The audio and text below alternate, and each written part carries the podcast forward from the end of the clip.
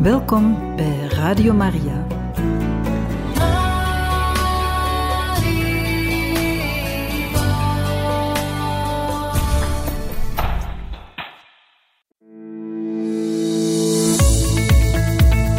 Exodus en Magnificat 90. Een opgang naar Pasen in 90 dagen bij Radio Maria.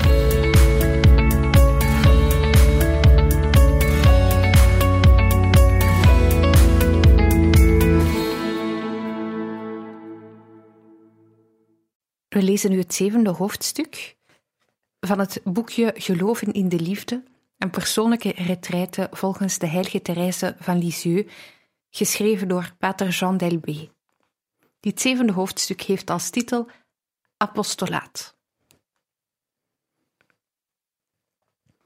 Apostolaat is het liefdewerk van de liefdewerken.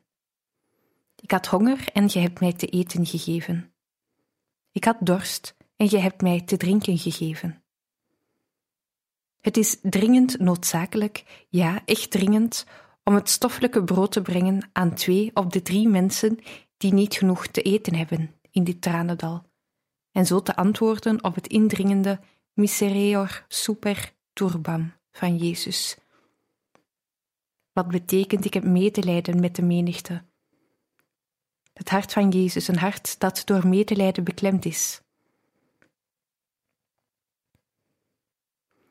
Maar zij hebben nog meer behoefte aan het brood des levens en het water dat opborrelt tot eeuwig leven.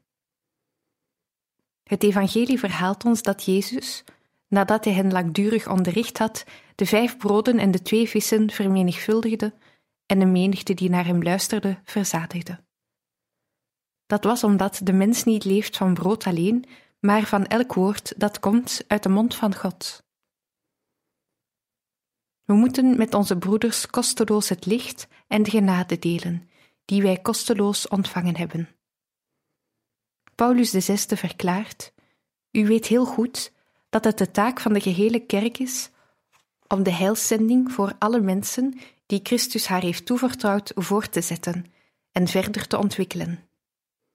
Die taak komt niet alleen aan de hiërarchie toe, maar ook leken hebben op grond van hun toebehoren aan het mystieke lichaam van Christus en hun deelname aan zijn zending en zijn koninklijk priesterschap, het recht, de plicht en de eer die zijn bevestigd en vastgesteld door de sacramenten van het doopsel en het vormsel, om het apostolaat van de kerk uit te oefenen op de wijze die hun eigen is.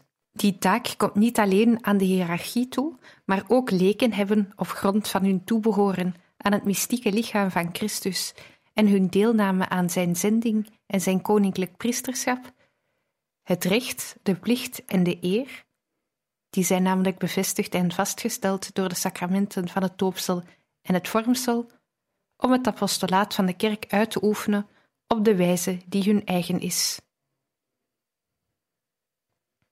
Wanneer ik spreek over apostolaat, dan begin ik met een belangrijke verklaring.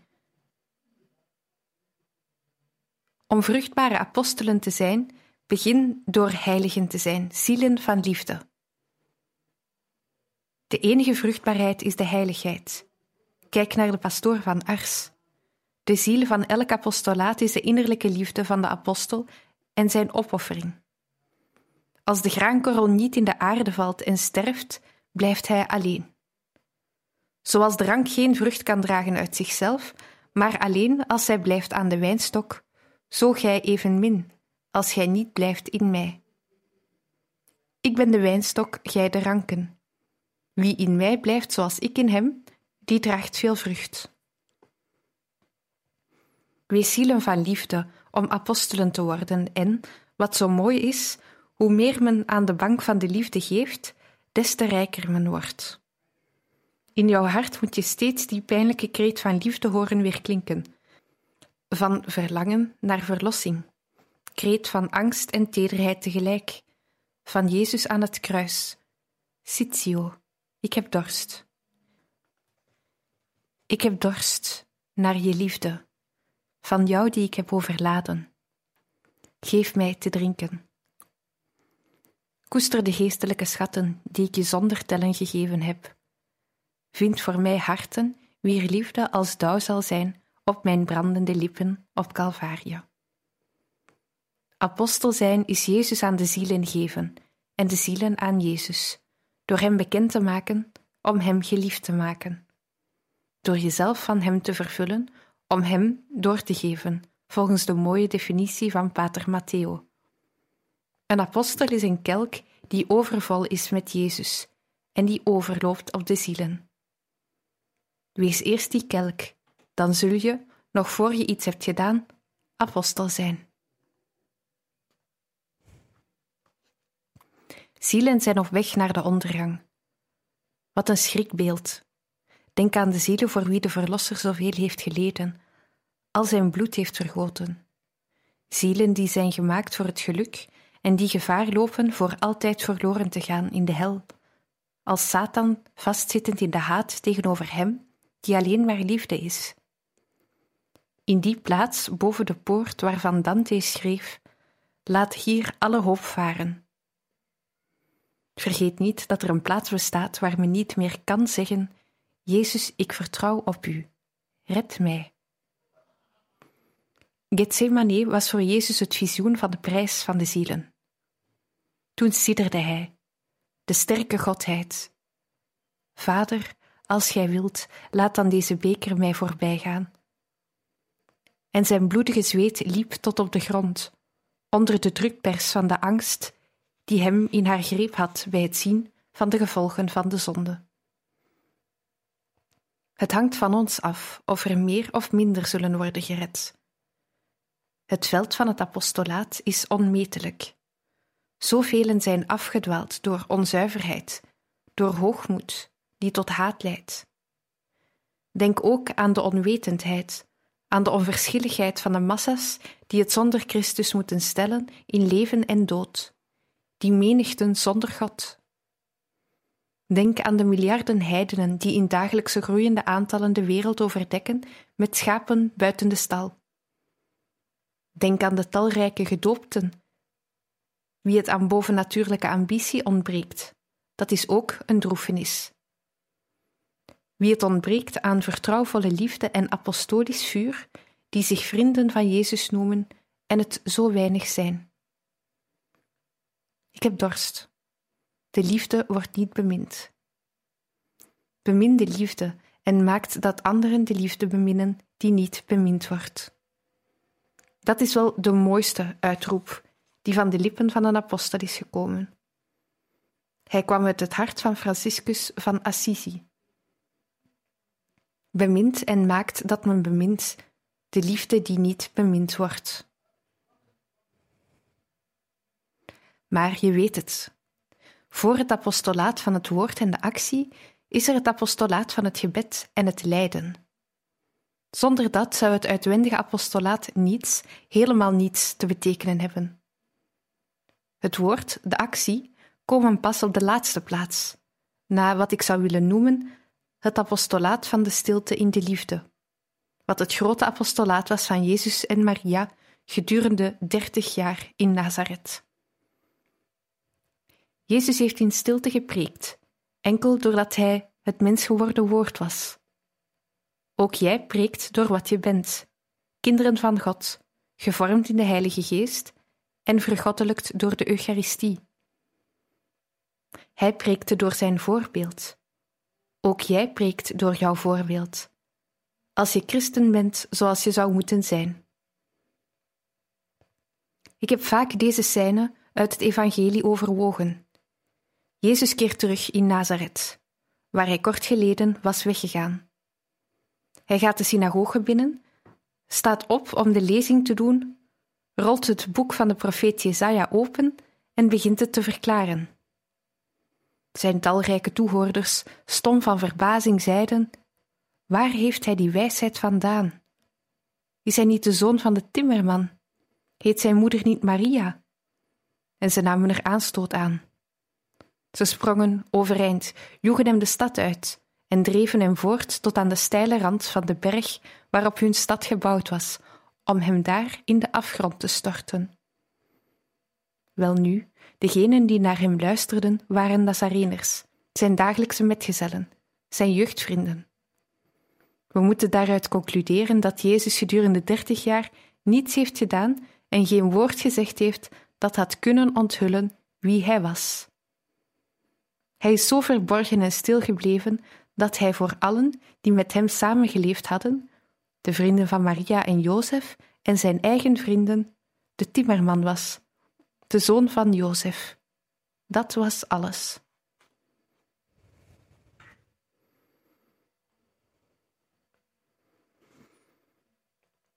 We vinden in het Evangelie vijf of zes woorden van Maria, koningin van de apostelen. Zij heeft de apostelen geïnformeerd, dat is zeker, maar dat is ons niet geopenbaard. Wat de heilige Jozef, patroon van de universele kerk, betreft, is de stilte volkomen.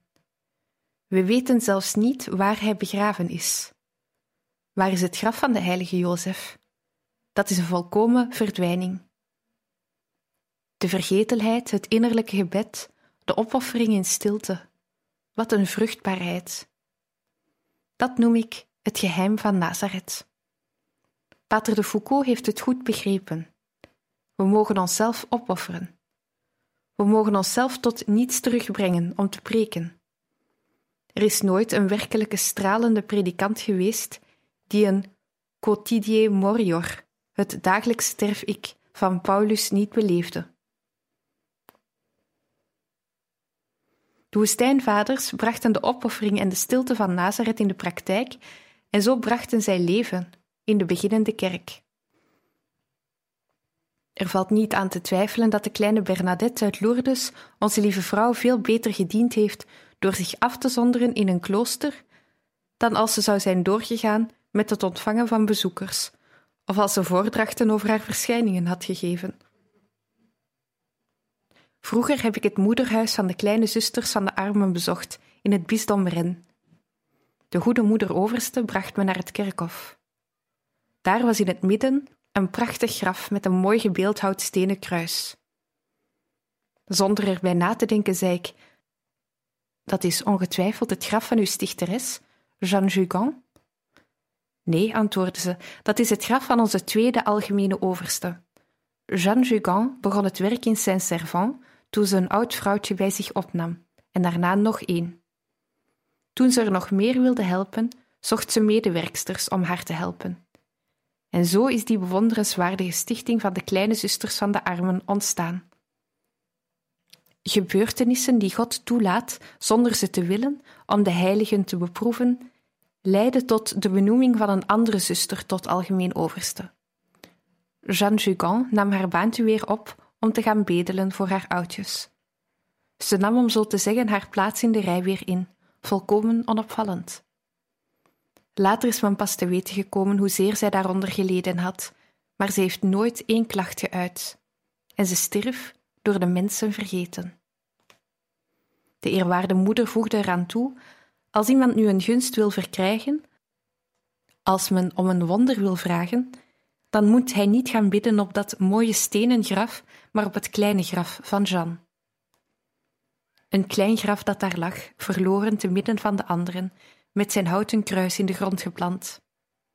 Later heeft men haar opgegraven en overgebracht naar de kapel van het moederhuis. Maar toen ik er was, niet zo lang geleden, lag ze daar nog. Sinds 1879, het jaar van haar dood. Welnu, ik ben er zeker van dat Jeanne Jugan meer voor de stichting voor de kleine zusters van de armen heeft gedaan door het nederig aanvaarden van haar afdanking en haar terugtrekking, dan door enig ander werk dat ze had kunnen volbrengen. Zoals de graankorrel die in de aarde wordt begraven om vrucht te dragen. Hier bevinden we ons midden in de goddelijke werkelijkheid. De heilige Therese negen jaar van zwijgen en opoffering. Korte tijd voor haar dood, toen ze tijdens de recreatie rustte in haar cel, hoorde ze tijdens de recreatie dat een zuster in de keuken over haar zei: Zuster Therese van het kind Jezus zal binnenkort sterven, en ik vraag me werkelijk af wat onze moeder over haar zal kunnen zeggen na haar dood. Dat zal haar in verlegenheid brengen, want dat zustertje, hoe vriendelijk ze ook is, heeft zeker niets gedaan dat de moeite waard is om vermeld te worden. Zelfs haar eigen zusters verdeelden haar abijten en haar lijfgoed. Dat alles werd later weer ingenomen om er relieken van te maken. Zozeer was haar leven een gewoon leven, een verborgen leven geweest. Niets bijzonders aan de buitenkant, heel buitengewoon van binnen. Men kan op haar weliswaar in een andere verhouding toepassen wat van Maria gezegd is. Omnis gloria eus de intus. Heel haar heerlijkheid was binnen in haar. En zie, nu is de kleine Therese de patrones van de missie, evenals Franciscus Xaverius, die ging preken tot aan het einde der aarde. Ze is tweede patrones van Frankrijk samen met Jeanne d'Arc, die een zo opmerkelijk openbaar optreden had. Ik heb het verhaal van deze verheffing van de kleine Therese tot hoofdpatrones van de missies gelezen. Het is heel interessant. Dat was op persoonlijk initiatief van Paus Pius XI. In feite liep de stemming van de twee Romeinse congregaties, aan wie het verzoek van de 226 missiebisschoppen om deze bescherming was gericht, niet gunstig af. De meerderheid van hun leden waren ongetwijfeld gekwetst door een zo duidelijke tegenstelling. Een kleine karmelites die nooit buiten haar klooster was geweest, werd op gelijk niveau geplaatst met Franciscus Xaverius. Kardinaal Vico, die helemaal voor dat nieuwe voorrecht gewonnen was, verwees het toen door naar de paus. Pius XI nam toen de afkondiging van het decreet van 14 december 1927 persoonlijk op zich, waarin Therese van het kind Jezus wordt uitgeroepen tot belangrijkste patrones op gelijke hoogte als Franciscus Xaverius van alle missionarissen, mannen en vrouwen en ook alle missies die in de hele wereld bestaan. Hij ging daarmee voor één keer voorbij aan de gewoonte om aan de Romeinse congregaties de oplossing van dit soort gevallen over te laten. Terwijl de Heilige Vader zich er meestal toe beperkt zijn gezag aan de beslissingen die genomen zijn te verbinden. De Heilige Vader, Christus op aarde, had, geïnspireerd door de Heilige Geest, de wil van God gedaan. Het is duidelijk dat de hemel aan iedereen de grote les wilde meegeven van de vruchtbaarheid van de verborgen zelfopoffering, van de contemplatie, van het onmetelijk verlangen om zielen te redden. De les die was gegeven door haar die liefde wilde zijn in het hart van de kerk, haar moeder. De buitengewone verspreiding van de devotie tot het heilig hart van Jezus drie eeuwen geleden is voor een groot deel te danken aan de heilige Margaretha Maria. Wat heeft ze daarvoor gedaan? Ze heeft zichzelf opgeofferd achter de tralies, terwijl ze door liefde verteerd werd. De heilige Teresa van Avila riep met voortreffelijkheid uit toen ze de groep maagden die ze om zich heen had bekeek wat kan ik ermee doen? O, ik zal hen gebruiken om de ketterij te vernietigen, om kerkleraren voor te brengen, om het onrecht uit te boeten, om de zielen te bekeren. Ze zullen onneembare muren zijn en bewapende vestingwallen. Ze zullen levende bronnen van licht en geloof zijn. Enkele vrouwen die hun hele leven zijn opgesloten tussen vier muren. Toen Paulus schipbreuk leed bij Malta, verzekerde hij zijn medepassagiers ervan dat er niemand zou omkomen, omdat hij niet mocht omkomen. Een engel had hem gezegd: God schenkt je het leven van allen die met je meevaren. Omwille van één heilige worden allen gered. Wat is het centrum en de bron van het leven van de kerk? De hostie in het tabernakel, de kleine, stilzwijgende, biddende, liefhebbende hostie. De apostelen preken, maar het zijn de stralen van het goddelijke licht, stralen van de zon van liefde, die uitgaan van de tabernakels over de hele wereld, die de zielen raken en verlichten. Wees een biddende en liefhebbende hostie, en je zal stralen zoals de hostie. En God zal je al diegenen geven die met je meevaren. Jouw naasten iedereen van wie je houdt en van wie je vurig verlangt dat zij gered worden. Twijfel er nooit aan dat je in het kader van het prachtige dogma van de gemeenschap van de heiligen in werkelijkheid een apostel bent als je lief hebt, werkelijk lief hebt. Jezus kan het wel voor je verborgen houden, om zo de verdiensten van je geloof te laten groeien. Maar twijfel er nooit aan. Bedank Hem alle dagen voor de zielen die je zonder het te weten redt door jouw daden van liefde. Zoals ik je al gezegd heb, is een mooie manier om te bidden als volgt. In plaats van tot Jezus te zeggen: Geef mij zielen, zeg je: Ik dank u voor de zielen die u me geeft, enkel omdat ik zeker weet dat u me die geeft. Waarbij je je baseert op zijn eigen woord.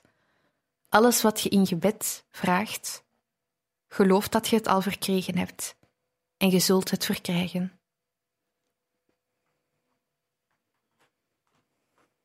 We mogen ons verenigen met de wondere dingen die Hij onophoudelijk in ons doet, zelfs als we ons er niet van bewust zijn. Jezus, ik verenig me met de wonderen die U in mij tot stand brengt.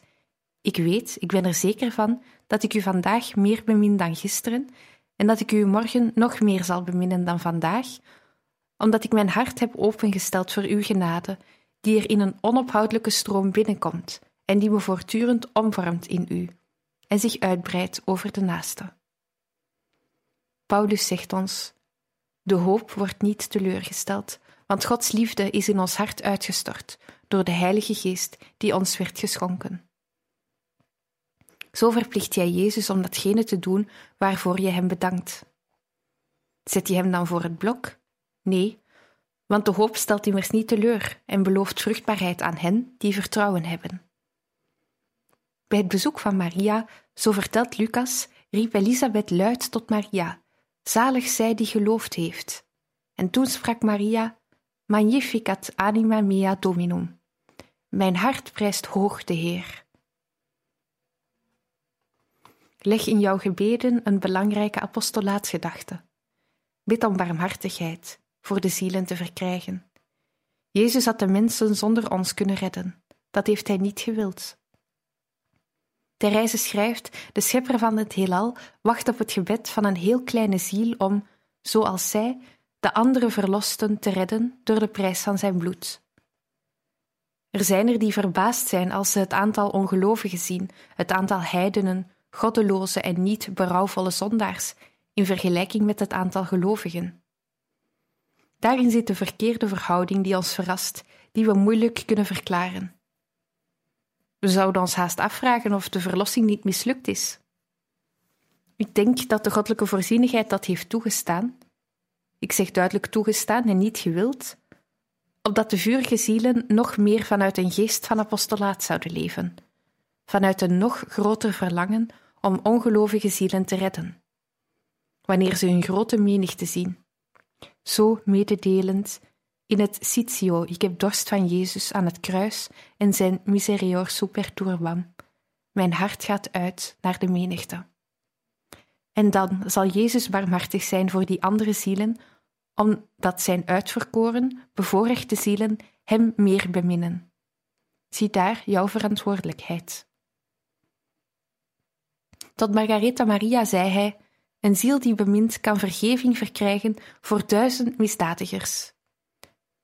In Mystici Corporis Christi schrijft Pius XII: Wanneer wij nu echter in de kerk iets zien waaruit de zwakheid van de menselijke natuur blijkt, is dit niet toe te schrijven aan haar juridische inrichting, maar veel eer aan de jammerlijke geneigdheid ten kwade van de afzonderlijke personen.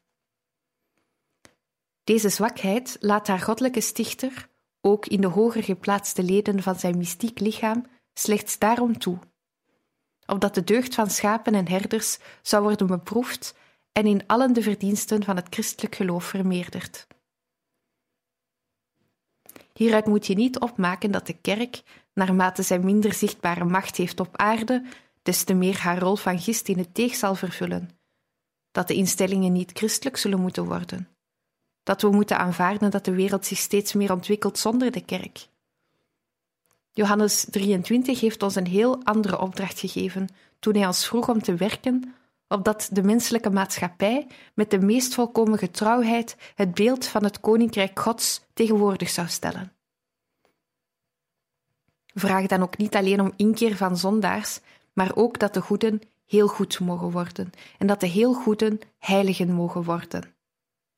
Vraag niet alleen bekeringen van zielen, maar verheffing van zielen, omdat Jezus niet alleen dorst naar de bekering van zondaars, maar misschien nog wel meer om te zien dat de zielen die hij heeft zien opstijgen en groeien in de liefde, nog inniger één met hem worden.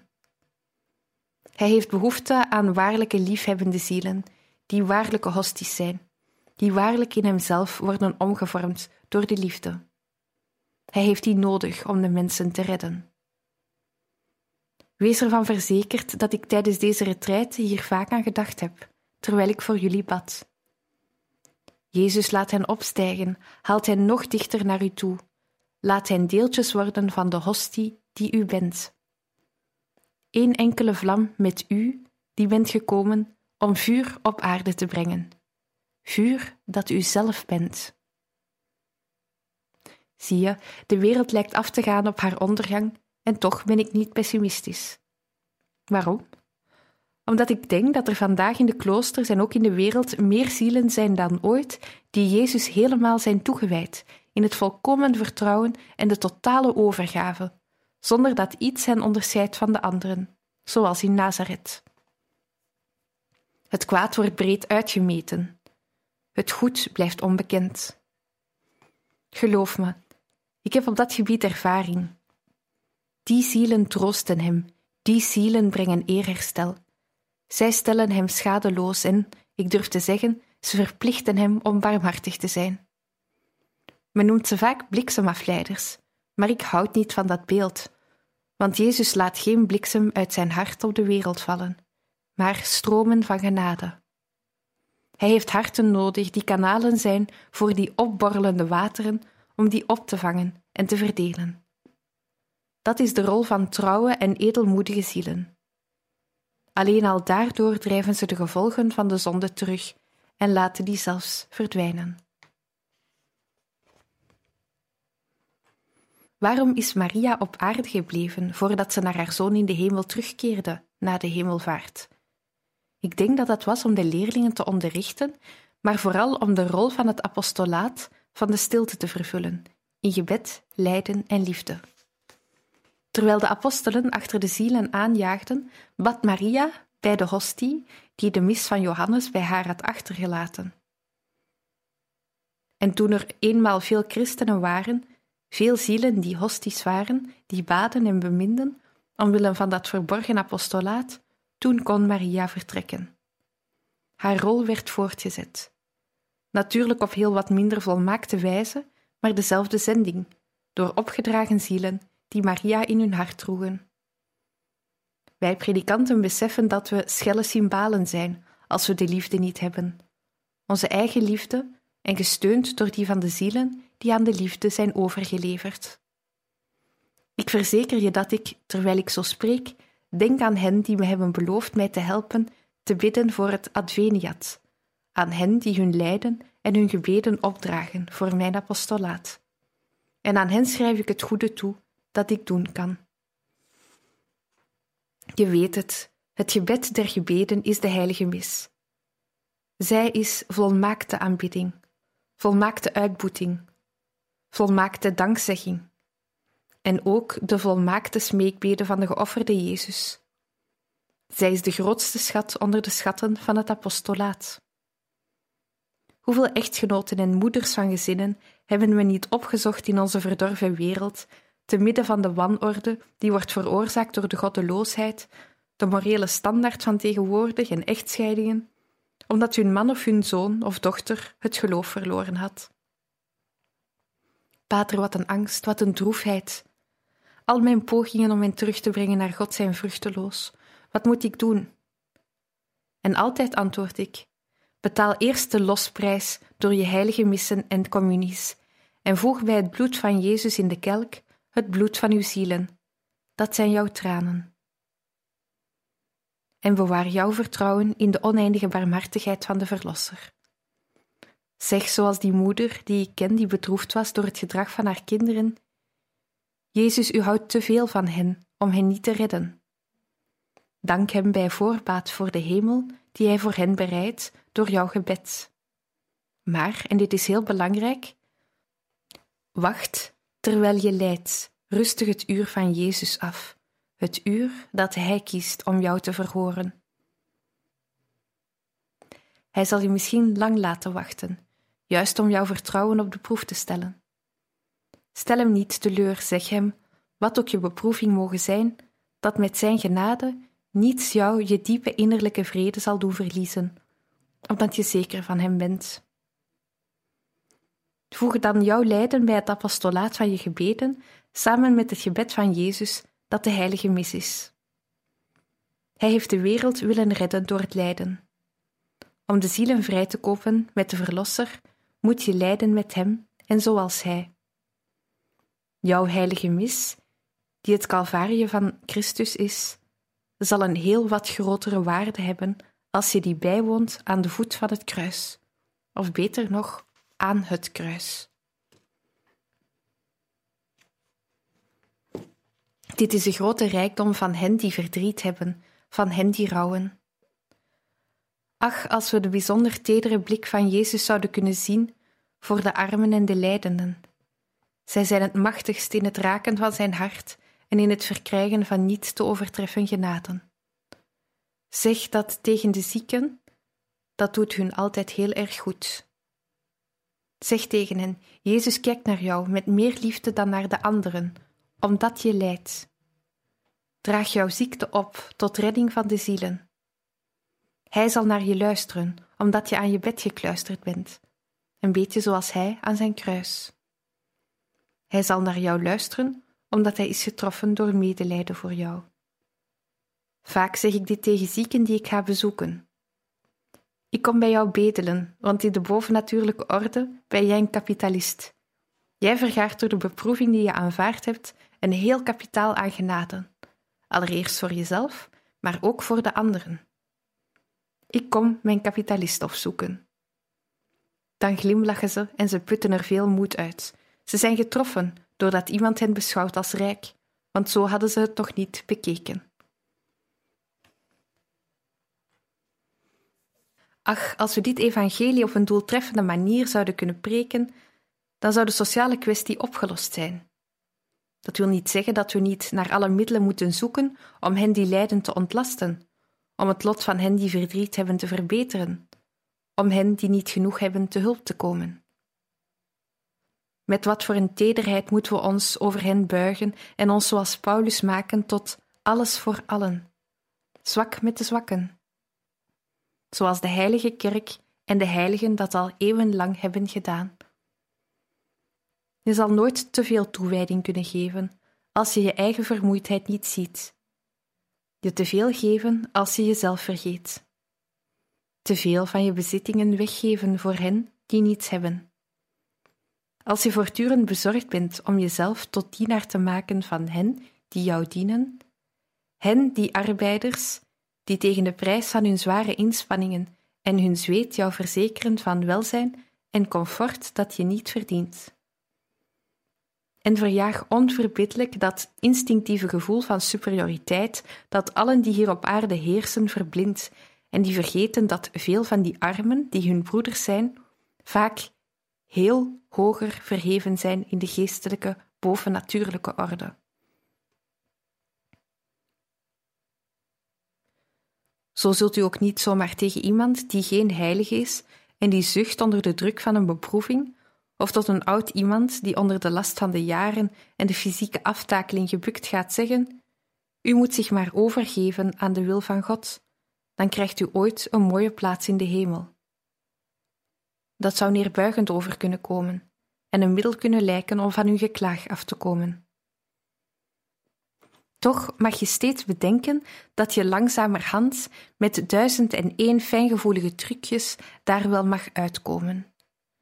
We durven niet meer over de hemel te praten, vooral sinds de Marxisten die hemel onder duivelse inspiratie opium voor het volk hebben genoemd, die bedoeld zou zijn om de ongelukkigen in slaap te sussen en hun eisen te laten begraven door de mooie belofte van een hiernamaals, van waaruit nog nooit iemand is teruggekomen, zoals ze zeggen. En van de kleur van het paradijs op aarde dat zij beloven, daar zien we ook al niet veel van. En waar vinden we de nieuwe mens die Lenin aankondigde.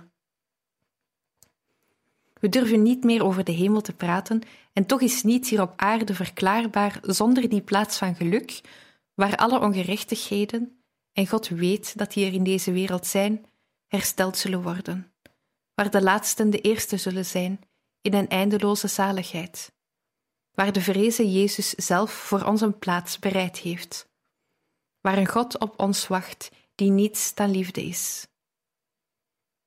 Wie kan de prijs noemen van een lijden, een tegenwerking, een vernedering, die worden aanvaard? Niet alleen, maar door erin te berusten. Ik houd niet van dat woord. Dat lijkt te betekenen dat je aanvaardt omdat je niet anders kan. Maar die worden aanvaard met de vreugde van de wil. Een magnificat gezongen aan het kruis, een glimlach door de tranen heen. Wat een rijkdom is dat. Wanneer je zo lijdt, zegt Jezus dan in een totale overgave: Als ik mijn situatie meteen zou kunnen veranderen door mijn pink te bewegen, dan zou ik dat niet doen, omdat u die voor mij gekozen hebt. U bent wijzer dan ik. U houdt meer van mij dan ik van mezelf houd. Ik laat u begaan. Alles is goed. Dit is het gebed, dat weet ik van veel zieken in Lourdes. Heer, als u wilt, kunt u me genezen. Maar u wil boven alles. En vaak vragen ze om de genezing van de anderen, eerder dan die van henzelf, als dat het plan van de goddelijke Verlosser is. Johannes de 23ste wilde in een toespraak tot de hele wereld nog eens het hoogste belang van een volkomen toewijding aan het leven van gebed uitspreken, boven elke andere vorm van apostolaat. Nu dit helder is, laat ons nu dan spreken over het apostolaat van het woord en de daad. Fides ex auditu. Het geloof ontstaat doordat men het woord van Christus heeft gehoord. De heilige Thomas zegt dat, ook al schaadt het werkzame leven, het contemplatieve leven niet, het toch meer volmaakt is om beide te verenigen, gegeven het feit dat een licht niet alleen gemaakt is om te schitteren, maar om te schitteren en te verlichten. Ten dele is het door onze zwakheid dat het zuivere contemplatieve leven op zichzelf volmaakter is. Het is zo mooi om anderen ter overweging te geven wat je zelf overwogen hebt, en in het werk vind je nieuwe onderwerpen voor overweging in het contact met de naaste. Heb ik te veel de nadruk gelegd op het apostolaat van het gebed en de verworgen zelfopoffering in deze tijd waarin het concilie ons terecht herinnert aan het belang van het zichtbare apostolaat en de missie? Ik denk het niet. Als je de leer die ik je heb voorgehouden naleeft, die leer van de volkomen overgave, van de vereniging met Jezus in het geloof, van de hoop en liefde, dan zul je niet alleen beschikbaar zijn voor alle activiteiten die jou gevraagd of aangeboden worden, maar in jouw hart zal een vlam opgaan, een wind opsteken. Zo je wilt, de Heilige Geest is beide. Die jou ertoe zal brengen om jou zonder reserva aan de naaste te geven, ondanks jezelf. Caritas Christi urcet nos. De liefde van Christus laat ons geen rust. Wanneer je bemint, bestaat er geen gevaar van traagheid. Wanneer alles uit liefde wordt gedaan, dan wordt alles gebed, stilgebed, contemplatie. Nee, het uiterlijke apostolaat van de leken is niet iets facultatiefs of een luxe, maar een verplichting, een dwingende noodzakelijkheid. Als je denkt aan de armen die van honger sterven, aan de slachtoffers van rampen en moordende oorlogen, dan krimpt je hart samen en je beurs gaat open. Je hart moet nog meer samenkrimpen als je bedenkt dat deze zielen sterven van geestelijke honger bij miljoenen. Jezus dorst naar deze zielen. Zij kunnen niet naar hem toegaan omdat ze hem niet kennen. Hij kan niet zichtbaar tot hen gaan, omdat hij zichzelf tot stilte in het tabernakel heeft veroordeeld. Hij heeft zelf anderen nodig. Hij heeft het priesterschap ingesteld met het oog op het Eucharistisch offer, maar ook om de voeten van de priesters te kunnen lenen om achter de verdwaalde schapen aan te gaan, om hun handen te lenen, om de wonden te verbinden en om te zegenen. hun lippen om woorden van waarheid, van troost en van heil te laten vallen. Jij die Gods eigen volk, dat barmhartigheid verworven heeft, een uitverkoren geslacht, een koninklijk priesterschap bent en die als gedoopte deel hebt aan het goddelijk priesterschap bij het opdragen van het heilig misoffer met de priester, jij neemt daaraan ook deel door jouw apostolische activiteit. Luister naar uw bisschoppen, volg hun richtlijnen, neem deel aan hun pastoraat. Er staan tegenwoordig zoveel uiteenlopende activiteiten open voor wie apostel wil zijn. Op het gebied van de vrije meningen, dat zo in beweging is, voelt de christen zich vaak als gekruisigd. Dat komt doordat het niet altijd gemakkelijk is om de waarheid en de rechtvaardigheid te verdedigen. En dat moet. En toch het respect en de liefde tot de naaste te bewaren. Bid met zachtmoedigheid en nederigheid. Breng de emoties tot rust en vraag om licht. Je zal door God geoordeeld worden naar de zuiverheid van je bedoelingen. Draag grote zorg voor je doctrinale vorming, die meer noodzakelijk is dan ooit. Wij moeten één zijn met de bisschoppen en met de paus. Pius XI zei: Uw bisschop, de paus, dat is de gulden keten die u verbindt met de goddelijke verlosser. We moeten één zijn met de paus, omdat wie één met hem is, ook één is met de grondslag van de kerk zelf, omdat de poorten van de hel hem en de kerk die op hem gegrondvest is, niet zullen overweldigen.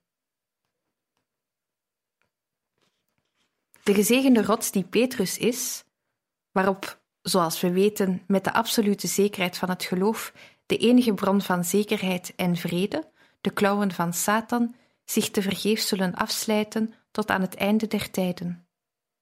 Petrus, de zachtmoedige Christus op aarde. Petrus, tot wie Jezus aan het laatste avondmaal zei, terwijl hij zich naar hem toekeerde: Ik heb voor u gebeden dat uw geloof niet zou bezwijken. Petrus, hij die meer lief had dan de anderen en die hen bevestigt in het geloof en de liefde. Maak voorzichtig onderscheidingen met betrouwbare gidsen en volg de verlichting van het concilie over de liturgie, over het belang dat wordt gegeven aan het gemeenschappelijk gebed en aan het groepsapostolaat. Ga in gesprek met onze afgescheiden broeders met een vurig verlangen naar eenheid en met de gesteldheid van uiterste welwillendheid en genegenheid, die tot wederkerigheid leidt en waarvan Paulus VI ons zo'n mooi voorbeeld heeft gegeven. Neem de opdracht tot missioneren op je schouders en in je hart. Heb een missionaire geest op de manier van Therese. Hoor wat ze zegt. Eén enkele missie zou voor mij niet genoeg zijn. Ik zou het evangelie tegelijkertijd willen verkondigen in de vijf werelddelen en op de meest afgelegen eilanden. Ik zou missionaris willen zijn, niet slechts voor enkele jaren, maar ik zou missionaris hebben willen zijn vanaf de schepping van de wereld tot aan de volleinding van de tijden. Geef jezelf zonder maat in een onmetelijke liefde tot de heilige kerk, die geboren is uit het bloed en water dat vloeide uit de wond van het hart van Jezus. Onze kerk die onze moeder is, pijler en grondslag van de waarheid. Zo schoon gedurende de twintig eeuwen die zijn verlopen sinds haar geboorte, ondanks haar schaduwen en menselijke verwondingen, en die nog alleen maar schoner kan worden tot aan de eindoverwinning van haar hoofd, die zelf gezegd heeft: Hebt goede moed, ik heb de wereld overwonnen. Een woord dat hij ons gegeven heeft als een bron voor ons vertrouwen. Set confidite, ego vinci mundum. In dat actieve apostolaat, waarbij je niet op jouw moeite gelet hebt, waarbij je niet hebt geluisterd naar jouw vermoeienis of wat je tegenstond, waarin je jezelf vergeten bent, zal je onverwachte vreugde vinden. Dat zal winst voor jou betekenen, een vruchtbare ervaring waarin je je hebt aangepast aan uiteenlopende milieus, aan de verschillende gevoelens, vreugden en het verdriet van de anderen. En daarbovenop zal je nog het geluk ervaren van over Jezus te spreken, de harten te openen met zijn gezegende naam, die de sleutel van de goddelijke macht is. Wees niet bang om vaak de naam van Jezus te noemen en te herhalen. Het is niet dat het niet uitmaakt of we steeds zeggen de Heer, Christus of Jezus. Er is een heel bijzondere genade verbonden aan de naam Jezus, de naam die redder betekent. De evangelisten noemen zijn naam Jezus en de heilige Johannes noemt Maria Mater Jesu. Bedenk dat zijn vader hem deze naam gegeven heeft en die heeft geopenbaard aan Maria door de engel Gabriel. Je zal de vreugde proeven dat jij de vreugde hebt verspreid, dat je de balsem van het hart van Jezus op een wond hebt uitgegoten, dat je iemand hebt doen glimlachen door diens vertrouwen op te wekken, doordat je medelijden had, vrede hebt gebracht door jouw geloof en jouw liefde, door te geven aan de zielen van anderen.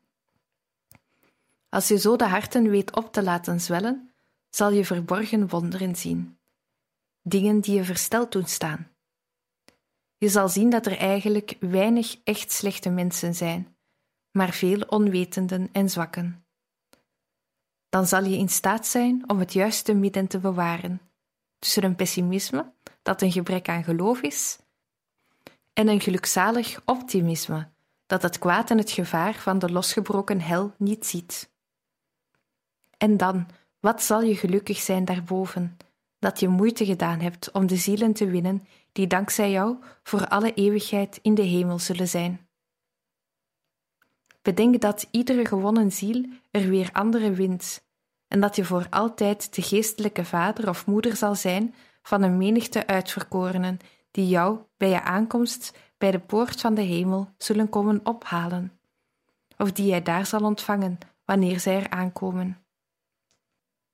Die hemel waarvan Therese zegt, daar zul je geen onverschillige blikken tegenkomen, omdat alle uitverkorenen zullen erkennen dat ze de genaden die hun de verdiensten van de bekroning gebracht hebben, aan elkaar te danken hebben.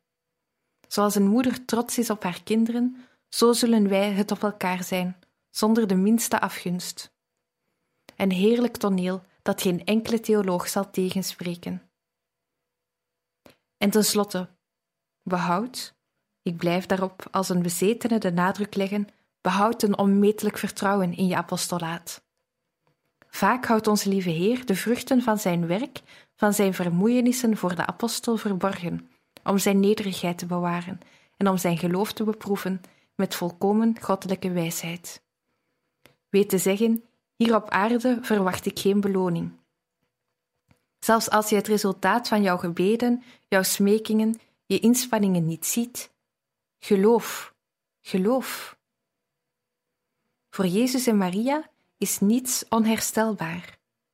Een weduwe die wanhopig is omdat haar man zich van het leven beroofd had door zich in een rivier te werpen, komt in ars en komt de pastoor tegen bij de uitgang van de kerk. Hij buigt zich tot haar over en zegt: Hij is gered. En omdat ze een gebaar van ongeloof maakt, zegt de heilige met nadruk op ieder woord: Ik zeg u dat hij gered is. Hij is in het vagevuur en u moet voor hem bidden. Tussen de borstwering van de brug en het water heeft hij de tijd gehad voor een acte van berouw, en de heilige maagd heeft genade voor hem verkregen. Denk aan de afbeelding van Maria in uw slaapkamer. Nu en dan heeft uw man, ook al was hij niet godsdienstig, zich bij uw gebed aangesloten. Dat heeft voor hem betekend dat hij berouw kon hebben en de uiterste vergiffenis verkreeg. Voordat ze weer wegging, vertrouwde ze toe aan de heer Guillaumet, overste van het college van Saint-Dizier, die getuige was van deze gebeurtenis. Ik was vreselijk wanhopig als ik dacht aan het tragische einde van mijn man. Hij was ongelovig. Ik leefde slechts vanuit de gedachte dat ik hem naar God moest brengen. En hij heeft zich in vrijwillige zelfmoord verdronken. Ik kon alleen maar denken dat hij verdoemd was. O, dat we elkaar nooit meer zouden terugzien. En u hebt gehoord wat de pastoor van Ars tegen me zei en herhaalde. Hij is gered. Ik zal hem dus in de hemel terugzien. Zie hoe fijngevoelig Jezus en onze lieve vrouw zijn. Je hebt iets goed gedaan, dat je zelf vergeten bent, maar zij zijn dat niet vergeten. En op zeker ogenblik maken ze daar gebruik van, als ik het zo mag zeggen. Jezus maakt overal gebruik van om ons te redden. Wat zullen we verrukt zijn in de hemel als we dat zullen zien? Sommigen maken van hem een rechter die slaat en zich wreekt, terwijl hij ons met alle middelen probeert te redden.